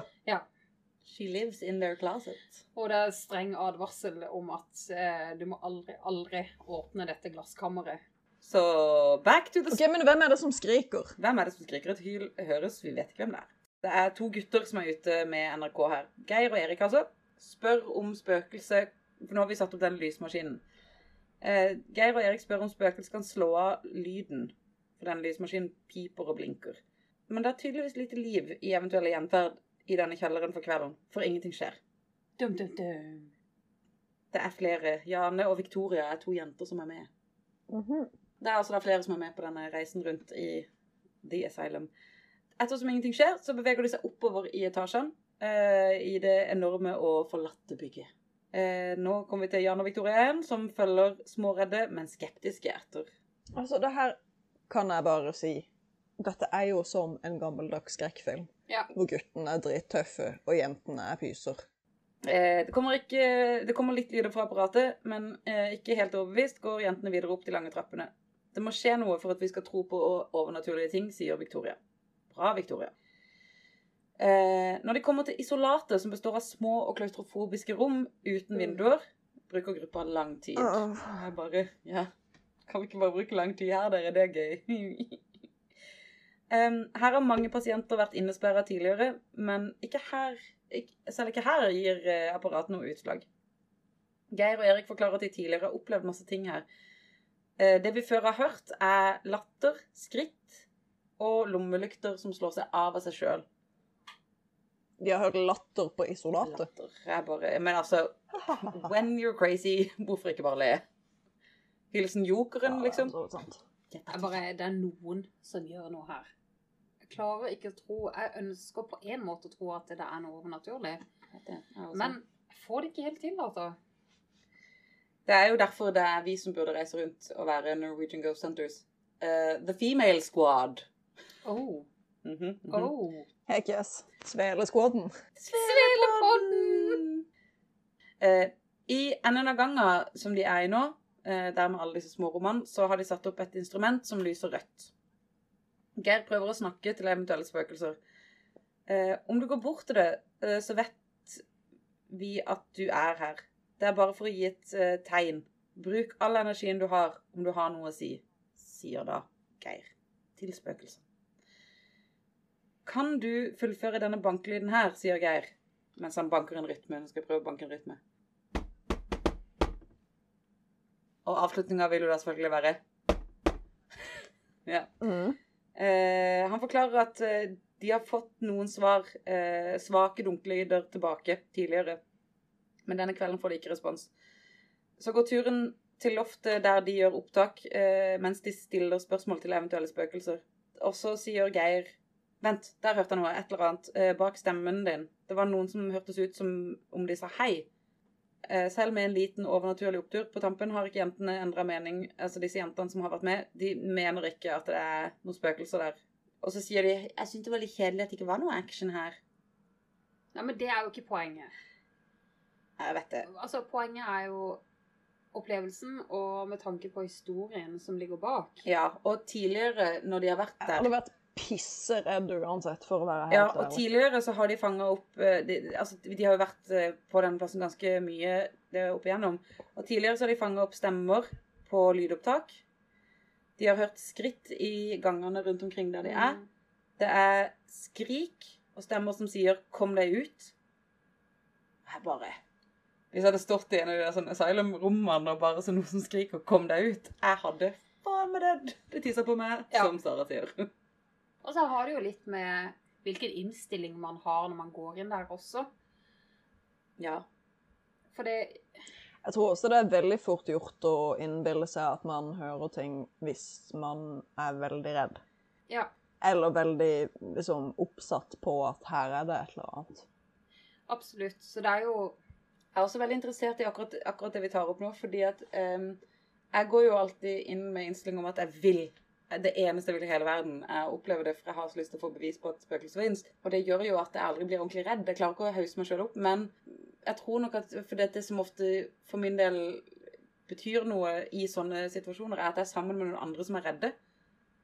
For da blir jeg litt mer sånn på.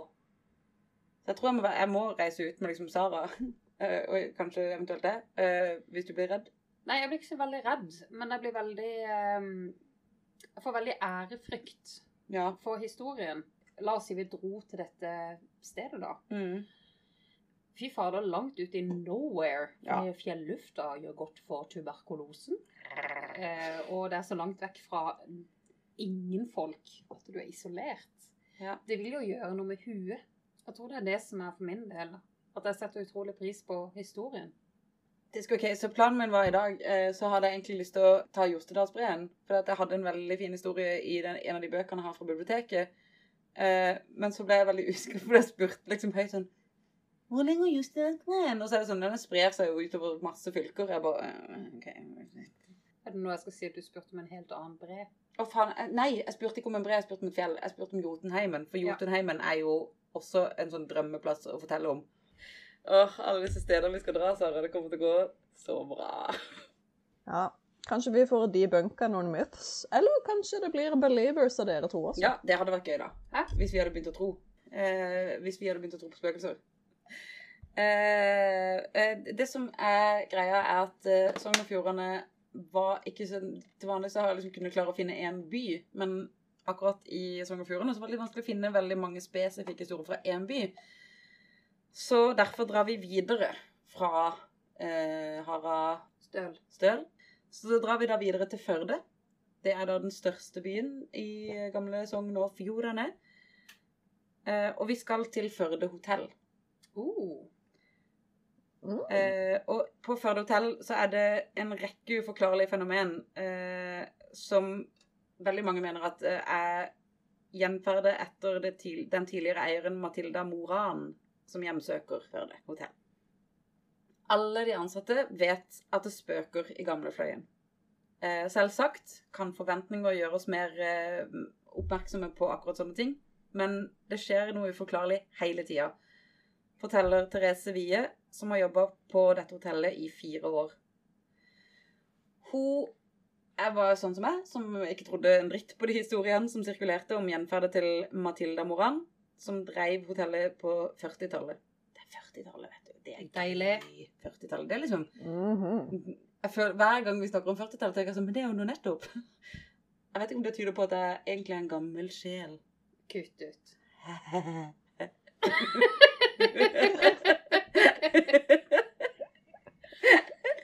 Er det en som sparker Maria ned på jorda igjen? Det er alle vennene mine. Jeg har vært lur med å skaffe meg bra venner som sier 'nei, din idiot'. Altså da, Det som har skjedd, er at hun, eh, hun herre Therese har da sjøl eh, Sjøl? Står på nynorsk. Hun har selv kommet i kontakt med eh, det uforklarlige i oktober. i år. Dette er jo da en artikkel fra 100 år siden, sikkert. Åh, 100 år siden, Maria. Si Seriously. Men det er NRK, nei, dette er firda.no. Det som skjer da, at eh, hun skulle ha en omvisning av et rom i, på Gamlefløyen. Og da hun skulle åpne døra inn til soverommet, sto han bom fast. Ja. ja. Etter en del dytting ga hun nesten opp, men hun valgte til slutt å gjøre en siste en spark med skuldra. Eh, og da slang døra seg opp, og hun ramla inn i rommet. Det var som om noen holdt, dør, holdt på døra fra innsida, og brått slapp henne. Eh, Åh. Hun undersøker at eh, understreker at døra aldri har bydd på problemer verken før eller etter dette. Men da tenker man, er det en tilfeldighet? Men hvorfor? For det, sant, eh, eh, Veldig ofte når det er sånn 'Å, døra er sånn slarken og kjip', da skjer det flere ganger. Ja, ok. Ja, og greit. Jeg kan Ja. være med på den. For det er jo huset som ikke sant, Oi, det er vinter, og plutselig så blir huset mye større. Særlig på Sørlandet, fordi at treet svelger. Å, men jøsse navn. Ja, men det gjør jo. Men det, det Ja, gjør jo gjør det. det. Vi ser det hjemme hver dag. Vi også. Hilsen Grimbeboerne. Ja. Det er altså noen kokker som jobber på dette hotellet, som heter Grete og Ingvild. Eh, de har opplevd eh, masse merkelige hendelser eh, i de sene kveldene på kjøkkenet.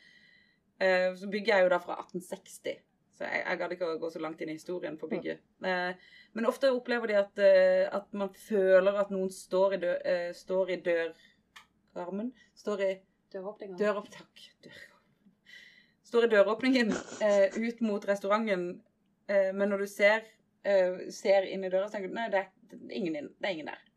Du ser noe, men du ser det ikke. Og det, den kjenner jeg meg jo igjen i, men det er jo sånn jeg ofte har med at det er sånn Oi, nå var det noe der.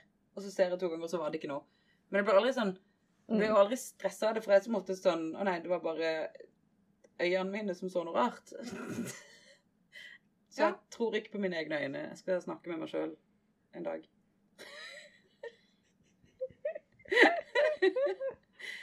um, for noen dager siden datt en lampe ned i hodet på meg, og ingen kan forstå åssen den har løsna, supplerer da Ingvild. Hun kan også fortelle om en servitør som av og til finner et delvis glødende lys på et spesielt bord i baren, selv om hun er sikker på at hun har slukka det dagen før. Et stearinlys, liksom. Ja. Eller delvis glødende lys. Ja, det må jo være stearinlys. Så det bare står på, så hun har blåst ut alle lysene. Og hilsen den gamle servitøren. Min løsning hver gang jeg var usikker på om jeg hadde blåst ut alle lysene, var jo Skru av alt lys. skru alt lyset, Ja. eh, elektrisk lys, Samme her. så tar du en runde. Mm. Så hun er nok, hun har nok rett. Eh, Så da er det et eller annet bord der hvor noen har vært sånn Dette er mitt bord. Og det er, Leave det er fucked up. Som gammel servitør Jeg så er vil det ha lys. guffent. Ja, det er guffent. Matilda vil vel, e- altså Matilda som er spøkelse, har jo egent- det de tror da er at hun vil passe på at det hun har etterlatt seg, fremdeles blir opprettholdt Mm. i hennes tro, da. Så gjestene får gå i fred. Eh, men hun var kjent for å kjøre de ansatte ganske hardt. Eh, hotellsjefen sier også at det skjer en del merkelige ting her, men jeg velger å tro at det har naturlige årsaker. Men det er altså sånn Når du er hotellsjef, så kan du ikke akkurat si sånn By the way, guys. Jo, jo, men OK. Men hvilke merkelige ting? For eksempel det med lyset. Altså Eh, Eksempelvis da, så er det sånn Elektrikeren han har ansatt, kan ikke forklare hvorfor sikring nummer 17 stadig går, uten noen spesiell grunn.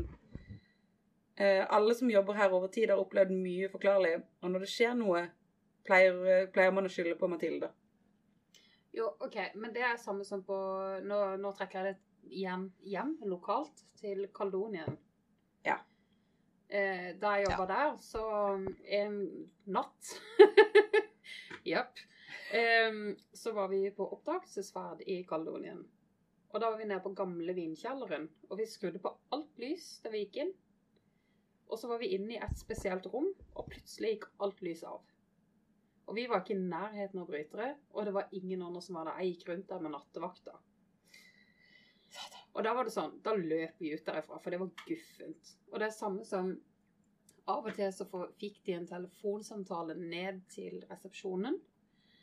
Men det er fra et rom som ikke lenger brukes fordi eh, det er noen historier der, da, eh, på Gamle Kalonien, om mm. At en stuepike har dødd i et rom der, og så er det jo den evinnelige brannen som var på Kaledonien. Ja. Så det er liksom sånn Etter sjøl å ha jobba i hotell Fy faen, det er guffent, altså. Det er det.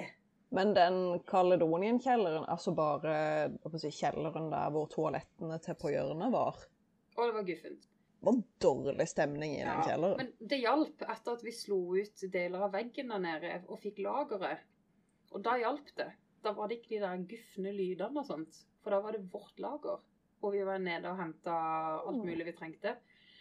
Men det var jo sånn i mange, mange år så gjemte de fleste av oss damene Jeg brydde meg ikke så mye, men noen av damene på jobb de hadde ikke lyst å ned og vaske toalettene på kveldene. Og det var så mye rare lyder der nede. Ja. Og det var sånn Du hørte at folk gikk i gangene og. Det var guffent. Ja. Jeg snakka jo om uh, de, dødes, uh, de dødes messe i eh, første episode med Oddernes Ja. kirke. De dødes messe er jo en kjent greie, men det en, en av historiene man kan finne på et sted som heter Selje, da, som er Selje kirke, er egentlig liksom Det er her De dødes messe egentlig er liksom opps, opps, det er der den er oppstått fra Selje kirke. Ja. Og det er også da eh, i mm, Sogn og Fjordane. Men jeg trenger kanskje ikke fortelle den på nytt. Eh, hvis noen har lyst, så kan dere høre episode én. For å høre De dødes messe på nytt. Eh, det er også noen fine historier fra Jotunheimen som jeg har lyst til å eh, fortelle kanskje neste gang vi Jeg tenker liksom vi kommer til å ta nye rides, for det er rides. Skal ta noen flere runder rundt i Norge enn det jeg skal si der. Jeg vet ikke om jeg er norsk eller engelsk. I'm gonna take some new rats. I am fucking American. Take some new rats. Eh, men det er da de gøyeste historiene jeg har funnet til nå.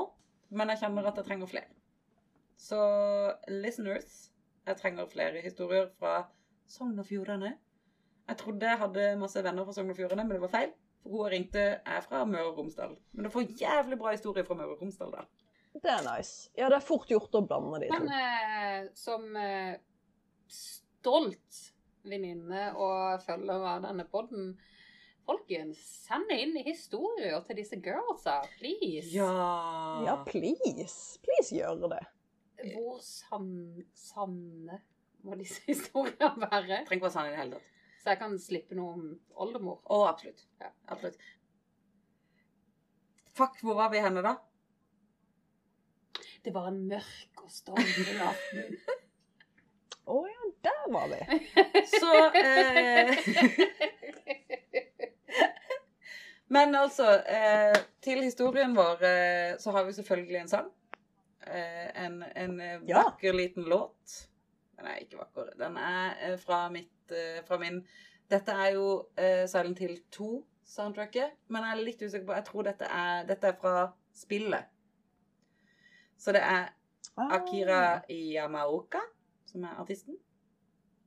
Og sangen jeg har lyst til at man skal høre på mens jeg forteller, er The Darkness That Lurks In Our Mind. Fordi når du er på et uh, asylum, så må du høre på ting som gjør at du får litt vondt i sjela. Sant. Du får litt mareritt og Ja. Ja. ja. Men det er Sogn og Fjordane, så vi trenger også da flere stories, guys. Send inn hva enn, hva enn dere kommer på av gøye historier fra Sogn og Fjordane. Men er det kun på utkikk etter Sogn og Fjordane, eller er det på utkikk etter generelt historie fra vårt langstrakte gitarland? Vi er jo selvfølgelig ute etter historier fra hele landet. Jeg syns jo å lese, å lese selvopplevde historier fra folk, eller bare sånn 'Dette var noe min bestemor fortalte Ja. meg', Ja. typ.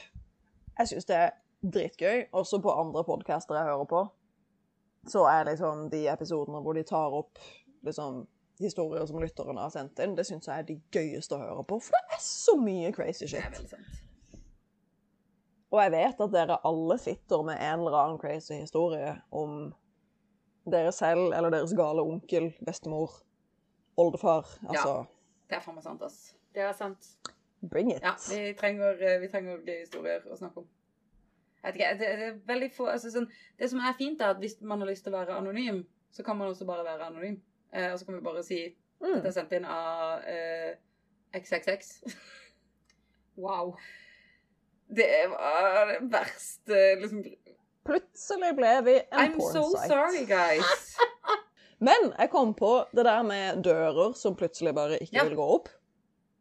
Det har jeg opplevd sjøl. Seriously? Jeg ble innestengt på avdelinga vår da jeg gikk på NIS. Eh, for da, de, da vi skulle ha eh, final project-eksamen, så måtte vi begynne å sminke klokka tre på morgenen. Så jeg var der fra typ midnatt, og så skulle jeg tror jeg skulle ut og røyke eller noe sånt. Um, og dette, dette er ikke tredører engang, dette er en gammel murbygning med ståldører, eller typ sånn Ja. aluminiumsdører. Uh, og så skulle jeg ut, og døra ville ikke åpne seg. Nei, fy faen. Du var låst inne. Ja, jeg var ikke alene da, heldigvis, men jeg var sånn, ok, prøvde å bruke, liksom, trykke på nøkkelbryteren, prøvde å bruke kortet mitt. Nei, ingenting som skjedde. Prøvde å ringe vaktmester, han tok selvfølgelig ikke telefonen fordi det var midt på natta.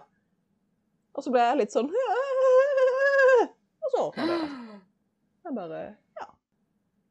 Men også i den gangen der hvor, jeg, den døra var, der er det veldig mange som har sett, typ, hvis de har vært der alene på kvelden, så har de sett folk gå forbi i sidesynet, og så har de trodd at det er noen andre der, og så er det jo ingen der, og sånne ting som faller ned fra hyller og bare sånn random shit. Oh.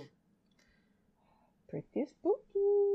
Ok, Så mine venner eh, som nå går på NIS, please Nei, NIS er lagt ned. Ja, NIS finnes ikke lenger. Nå tror jeg det er tatt over av Røde Kors, det bygget. Nisse, nisse, nisse er død. ja. Kos dere med det. Å ja, i hodet mitt så tenkte jeg border. Sorry.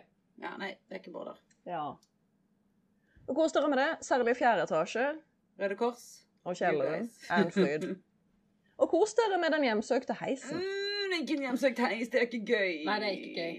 Det er sånn, da Nei, er sånn, det er du vet i. Hill-filmen hvor du bare ender opp i helvete istedenfor å ah, Det var en sånn på, ja, som sagt, Kaldonien. Kaledonien. Gammelt hotell. Ja. Mm. Ja. Det var døden å gå og levere glassflasker ned i kjelleren der. For det Du var ikke sikker på om du kom opp igjen. Satan, det er ikke gøy. Jeg kjenner Ja. den. Mm. Guffent. Ja, den heisen på NIS var sånn at den eh, Den gikk helt ned til kjelleren, men den ble aldri brukt i kjelleren. Så stort sett så stoppa han i første, og så tok han med folk liksom opp i de øvre etasjene. Men det hendte støtt og stadig at en bare fortsatte ned i kjelleren. Av seg selv. Å, fy søren. Ja. Og de hadde visst hatt teknikere inne flere ganger for å prøve å finne ut hva faen som var greia med den heisen, for den gjorde akkurat som han selv ville, men det var ingen som klarte å finne ut av hva det var. det er så weird. Så det var mildt sagt en ganske interessant skole å gå på. Det var fuckings creepy å være der alene på kvelden. Høres eh, Altså, eh, ambivalent. Jeg hadde nok elska det. For eh, på den folkehøyskolen jeg gikk på, den, der hadde de et bygg som var på typ 1700-tallet eller et eller annet sånt. Eh, og da eh, lagde de en sånn ghost tour hvor de liksom presenterte spøkelsene som fantes Ai. i det huset. Oh, det er Og det var så bra. Og det ene, det ene kommer fremdeles til å være sånn Fuck, det er noe det, det er så sjelden jeg blir redd. Men da ble jeg redd. Det var så gøy! Jeg var yes, endelig! Så ble jeg ordentlig redd. Og da var det fordi at det var eh, en luke i taket. Hvor det var noen som kunne stå og se ned på deg. Altså, du gikk en gang, og så så personen ned på deg. Eh, og denne personen sto bare helt stille med sånn verdens største åpna sånn jeg skriker-munn. Helt hvit i ansiktet, altså helt hvit, helt naken. Og, det, altså, og gjorde ikke noe mer enn det. That was it. Så det er sånn, Du så han hvis du så han, men hvis ikke, Yes. så så du han ikke på en måte. Å, så jævlig nasty. det var så bra. Fy faen, så bra. Den turen Åh. Kommer jeg fra evig og alt til å huske som noe av det beste jeg har sett. Sånn, eller vært med på sånn teaterspøkelsesmessig. Ja. Altså gikk jeg jo også da med en Altså sånn Ghost Tours, som er typ dramabasert, er jo kjempegøy. Men jeg blir jo så redd at det holder på Ja, å ja, men jeg ble jo ikke redd, eh, eh, bortsett fra den gangen. Pluss det at det som var så gøy med den runden der, var at det var så mange andre som var redde. Eh, og Mm. da var jeg sånn lol, det er jo ingenting å være redd for. Vi vet jo at det bare er de som kødder med oss. Det er jo ikke noe, Hvorfor er du redd, liksom? They're not gonna hurt ya. Men fordi at alle de andre var så redde, så ble jeg liksom gira opp av de. Mm. Men det er jo ikke det man er redd for. Man er jo redd for Det er jo mitt problem med skrekkfilmer, er at jeg er redd for å bli redd. Fordi jeg vet jeg kommer til å bli redd. Ja. Det Du og angsten der, Sara, dere må Ja ja, vi er gode venner. Men, man sitter, men det er jo sånn når man går og venter på at OK, jeg vet at dette er bare fiksjon, men før eller siden så kommer et eller annet til å hoppe ut, og så kommer hjertet til å liksom hoppe opp i halsen min. Jeg elsker det. Noen syns det er gøy, andre syns ikke. Å, det er min favorittfølelse. Det er det gøyeste jeg vet. Men Nei, eh, som eh, veldig ung Veldig ung, det var jo overdrevet, men ung. Eh, 16, 15, 16, 17. Så så jeg sykt mye skrekkfilmer. Sånn drøye greier. Eh, men eh, så sa det plutselig stopp, og jeg ikke klarte den hjertet opp i gjerden Mhm. lenger. Så fikk jeg inn på alt ja. Men eh, først nå de siste tre årene Mm. Så så har jeg blitt med Maria og sett litt skrekkfilmer. Og det er i grunnen ganske gøy. Jeg anbefaler det, Sara. Ja, det er jo ikke sånn at jeg ikke noensinne ser skrekkfilmer, for det gjør jeg innimellom. Men jeg er veldig selektiv. Ja, men du må få Maria til å gi deg noen eh, gode tips til hva som er hans. Og så hjelper det å ha Maria ved sida, som, kan- som kan pause og si at Ja, Men Maria tåler jo alt. Eh, så kan hun pause og si at eh, eh, Hanne Sara, nå kommer det til å komme sånn der eh, hoppe jump scare. OK, greit. Ho- Hoppeskremsel. Nå kommer det et lite hoppeskremsel. Hoppeskremsel! Så nå kan det hende at du må holde deg litt grann for øynene. Så Det er akkurat sånn at jeg snakker sånn som Så dette. Sånn at alt er sånn hyggelig sørlendingversjon av skrekkfilmen. Ja, ja, ja, ja, ja. eh, Og jeg så faktisk It eh, på kino nå. For Ja. si det sånn. Men du leste også boka først, og når du har lest Ja. boka, så tåler du faen meg alt. For der er det tolvåringer som har sex. Så Det var Hello. så fucked up. ja mye pervy shit i denne boka, har jeg skjønt. Men det skal jo sies at eh, da jeg var sykemeldt for noen år tilbake, og jeg var utbrent, jeg var, helt, jeg var så sliten, men så leste jeg Å, jeg leste The Shining. Det var kanskje ikke det lureste, og da følte Ja. jeg meg litt som Joey. Jeg har lyst til å putte den i fryseren. Ja. Eh, men jeg leste The Shining på sengekanten, eh, og jeg våkna en natt, trodde jeg, og så var det noen på utsida som skulle ta meg. Og så vekka jeg Kjell, min mann. Og Kjell våkna. Og så reiste han seg opp i senga, snudde hodet sitt mens han satt helt stiv. Og munnen åpna seg sånn Nå viser jeg det, da, men sånn eh, Ja, kjeven gikk sånn ut av liksom. Kjeven gikk ut av ledd, typisk, mens han snudde seg og så på meg eh, med sånn vidåpne øyne. Og jeg bare Hva er det som skjer? Og så våkna jeg på nytt igjen. Og jeg bare Dette var sånn Seriøst, jeg trodde jeg var våkendrøm. Um, men da, da, da måtte jeg vekke Kjell sånn på ordentlig. Og si at han ikke var en psyko. Eh, og jeg våkna at jeg grein, for jeg var så redd. Så ja, du kan bli Uff. rimelig fucked av skrekkhistorier. Men det er ganske I ettertid er det litt morsomt. Det er det. Eh, Men akkurat den drømmen Så folkens, ikke les Stephen King når du er deprimert. Det er Nei, en altså er du utbrent, sliten, mentalt ikke helt på plass, putt den boka i fryseren. Og jeg bare Men jeg er helt uenig. Det er min terapi å lese Stephen King. Men du er psyko. OK. Ja. Men nei, det, nå har vi uh, babla i vei om eh, våre felles eh, opplevelser. Det er veldig bra, da. Ja. Men det er vel egentlig på tide å si takk for denne gang. Jeg tror det. Så da gjenstår det bare å si følg oss på alle de sosiale mediene. Lik oss på Facebook, eh, følg oss på Instagram, følg oss på Twitter. Jeg tror du Mhm. finner oss på eh, det generelle internettet også, hvor du kan søke opp Dødsvele og hardingfele, og du får egentlig bare opp oss. det er veldig gøy. Det er ingen som heter det. Hvis du lurer på når vi kommer til ditt fylke, så kan du se episodeoversikt på nettsiden vår, dødsfjellogharingfjell.com. Den er nettopp reklamert for. Veldig bra. Mhm. Um, og send oss dine historier. Ja. Alltid. De trenger ikke være kjempeskumle eller barnebrytende på noen som helst måte. Bare send oss uh, noe crazy shit du har opplevd, så Ja. blir vi glad. Vi liker veldig godt uh, crazy shit. Det holder, uh, hold, det holder egentlig bare med en sånn Jeg ble redd. Eh, eller jeg ble ikke redd. Mm. Det kan også være true crime-historier. Det er kjempegøy. Hvis noen har sånn eh, Veldig gjerne true crime. Nå tror jeg liksom, I og med at vi bor i et så trygt land som Norge, så tror jeg de aller fleste opplever mer eh, supernatural shit enn de opplever eh, kriminalitet, Hæ. egentlig. Det er fint, da. Håper jeg. Jeg håper. Håper jeg. Egentlig. Hvis du syns at vi er kule og morsomme, så kan du også vurdere å støtte oss på Patrion. Patreon.com slash dødsfele og hardingfele. Ja, Gi oss en femtilapp i så blir vi glad. Eh, det som er gøy, er at eh, hvis du er en Patreon-person, så kan du også se Hanne Sara sitt sånn nervøse blikk på meg sånn 100 ganger i løpet av episoden. Og eventuelt også når hun Nei, du jeg anbefaler Patreon for å bare se Hanne Sara. Jeg All right. Men